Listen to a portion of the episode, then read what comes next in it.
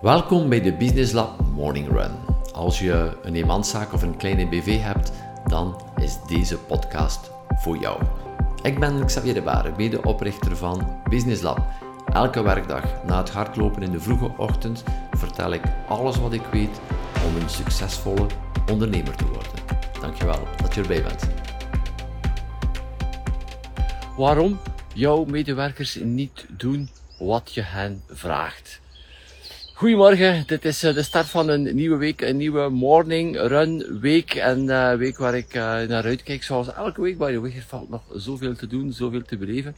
Maar morgen in het bijzonder is de, de enige training in het jaar dat de training die Business Lab geeft voor de medewerkers van de kleine onderneming. We hebben een veertigtal, 40, 45 uh, medewerkers van de zaakvoerders van de kleine ondernemingen uitgenodigd samen met hun baas.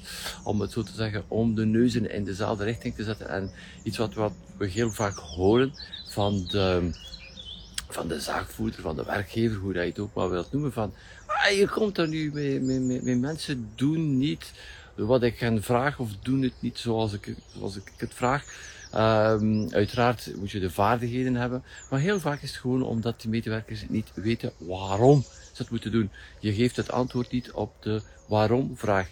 Je ziet dat heel vaak, uh, ik zeg maar iets, in restaurants of zo, um, een aantal basiszaken dat je afvraagt als klant, dat hoe is dat, nee, wat is dat mogelijk, dan, dat dit of dat niet, uh, niet gebeurd is gewoon, omdat die medewerkers zeggen, speciaal van slechte wel, maar niemand heeft hen verteld waarom dit zo belangrijk was voor de klant. En dit is jouw taak als uh, leider, als werkgever, om dit uit te leggen aan jouw team. Waarom verwacht ik dit of dit of dit van jou? De waarom die terecht is het waarom is dit belangrijk voor de klant? Gaat dit alles oplossen? Nee, uiteraard gaat het niet alles oplossen, maar het gaat al uh, heel, jouw hele stap verder brengen met jouw team als ze weten waarom ze een aantal zaken moet doen. Waarom jij vindt dat dat zo belangrijk is. Waarom de klant vindt dat dit zo belangrijk is. Voilà, iets om mee aan de slag te gaan. Pik er misschien één iets uit en zegt, mm, ik heb zo het gevoel dat loopt hier altijd verkeerd. En stel je de vraag, weet je mijn medewerkers, waarom ik dit zo belangrijk vind. Ga ermee aan de slag. Ik zie jou graag morgen terug voor een nieuwe Morning Run. Bye bye. Ik had niets te verliezen. Dat is wat ik uh, gisteren hoorde tijdens uh, een sollicitatiegesprek. Iemand uh, die net afgestudeerd is, die bij ons op sollicitatiegesprek kwam voor een marketingfunctie. in feite was het Shelly die het eerste interview leidde, zoals we dit altijd doen. En ehm, ze kon mij het verhaal vertellen van uh, week had ze deze persoon aan de lijn gehad. Vorige week donderdag, ondertussen waren we drie, vier dagen verder. Het zat een weekend tussen. Maar toch de duidelijke opdracht van, ga eens gaan kijken naar de website en breng drie uh, zaken bij uh, die je zou verbeteren. En drie zaken ook die er goed aan vindt. Met iemand die in deze functie van marketeer wordt een kleine opdracht zodanig dat we toch wel weten waar, dat ze weten wat, waar ze mee bezig zijn. En de, de persoon kwam tot bij ons en uh, eerst wat introductie en dan de vraag. En naar de opdracht toe van vorige website bekijken. Ah ja, ik heb, ik heb dat niet gedaan. Oei. Dan vraag je even, maar wat maakt hij dat niet gedaan? Ah ja, ja. Gisteren was ik bezig in de horeca en het was wel laat. En dan heb ik zoiets van, ja, dat was al drie dagen ervoor, nog deze ochtend, whatever. Dan ik zei, ja, vroeg dan nog, kwam dat dan ook even bij. Ik zeg, wat, wat dat je dat niet gedaan hebt? Ga ja, zegt die persoon, ik heb niks te verliezen. Ik ga het maar proberen. Um, als je zo dan iemand voor jou hebt, dan is het heel snel beslissen om de deur te wijzen. Jou zeker niet laten mee te slepen in het verhaal dat iedereen rond jou gaat doen van er is schaarste en er is absoluut schaarste. Je hoort we dit zeker, zeker niet ontkennen, want we lijden daar ook onder. Uh, maar er is ook geen reden om de schuiven dan helemaal langs de andere kant te gaan zetten en volledig hopeloos te zijn en maar ja te zeggen en uh, mensen met zo'n mentaliteit binnenlaten in jouw onderneming. Uh, dit zijn ook mensen, als je deze binnenlaat in jouw onderneming, die jouw goede elementen gaan doen weglopen. Dus iets om over na te denken. Wat tegelijkertijd um, las ik ook gisteravond dat er waren cijfers voor de VS, want die zullen waarschijnlijk ook wel um, ongeveer gelijkaardig zijn bij ons. Er is een grote enquête gedaan en 40% van de mensen willen veranderen van job. Oké, aan de ene kant is er schaarste te weinig mensen die afstuderen en mensen die vervroegd met pensioen zijn en allemaal. Maar tegelijkertijd zijn er ook 40% van de mensen die willen veranderen van job. En uh, dat is uiteindelijk wel goed nieuws. Het punt is van wat kan je doen om deze mensen aan te trekken. Um, dat zijn ook mensen die wat ervaring gaan hebben.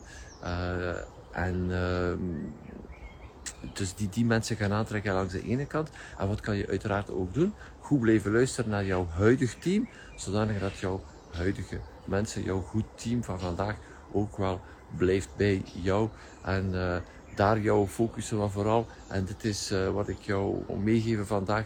Niet uh, hopeloos worden, want het is altijd in een onderhandeling, maar uiteindelijk ja, iemand aanwerven is ook wel een vorm van een onderhandeling. Het is altijd diegene die het meeste hopeloos is, die uh, de verliezer is in, het, in heel het spel. Dus oké, okay, er is maar je gaat geen mensen aantrekken in je onderneming gewoon om maar iemand te hebben. Zeker die als we met zo'n mentaliteit zitten van ik had, er geen goesting in, ik er geen tijd voor. Ik wou er geen tijd voor maken, want dat is een beter antwoord. En dan ook de, van, ja, ik heb niets te verliezen. Ja, dat, uh, daar heb ik het toch persoonlijk moeilijk mee. Zo mensen komen toch mijn team niet binnen.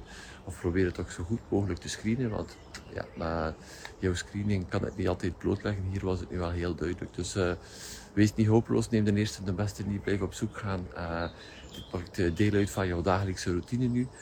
Waar zijn er mensen? Wat kan ik doen om nieuwe mensen aan te trekken en ook om mijn huidige team sterker te maken? En daar ga ik straks mee aan de slag samen met Anne, medewerkerstraining, 40-tal medewerkers van de zaakvoerders van onze traders die er zouden zijn vandaag om uh, deze de neus in dezelfde richting te zetten, zodanig dat iedereen meer voldoening heeft op het einde van de dag. Sterker team, beter team te maken. Dat is voor straks. En voor nu, blijf doen wat je graag doet. Ik zie je graag morgen terug. Ciao! Jouw medewerkers kunnen en ook vooral willen meer doen voor jou. Gisteren zaten we samen uh, in de zaal met een 40-tal, 45-tal um, zaakvoerders en werknemers, medewerkers en werkgevers samen in de zaal om deze dichter bij elkaar te brengen. Wat heel vaak, als het even wat moeilijker loopt tussen de baas, om het zo te zeggen, en uh, de mensen van het team. Heel vaak uh, is het over de, de, communicatie die niet helemaal goed in elkaar zit. Maar vooral uh, onvoldoende weten van elkaar wat er leeft, wat de andere denkt, hoe de andere naar de situatie kijkt. En een van de zaken die heel duidelijk naar boven kwam, langs beide kanten. Ik las de kant van de medewerker. Medewerkers was meestal ook wel verrast van al um, de onzichtbare dingen dat zijn um, uh, dat zijn leider, dat zijn werkgever doet achter de schermen, waar hij zich niet bewust van is. Je ziet alleen maar het zichtbare, om het zo te zeggen, en toch wel onder de indruk van hoeveel werk de zaakvoerder verzet per dag. Maar uh, anderzijds ook um, die leider, die werkgever, de baas, hoe dat je het ook maar wilt noemen. Maar de leider lijkt mij het beste, beste woord. Um, ziet ook, heeft ook mogen zien dat zijn team capabel is om veel meer te doen wat hij denkt dat ze kunnen doen. En het mooie ook is dat dat team dat ook wel in handen pakken, dat ze ook meer willen doen. ik denk dat dat een ongelooflijke les is om mee te nemen, om extra verantwoordelijkheid te geven aan jouw team, om ze meer hun ding te laten doen, misschien ook op hun manier, die misschien een betere manier is dan um, de manier die jij altijd hanteert. Uh, maar ze willen meer doen en ze kunnen ook meer doen. Dus gebruik dit. Dit gaat tijd vrijmaken voor jou. Maar dit gaat ook vooral een krachtiger team opbouwen. En uh, ja, op het einde van de rekening een krachtige onderneming.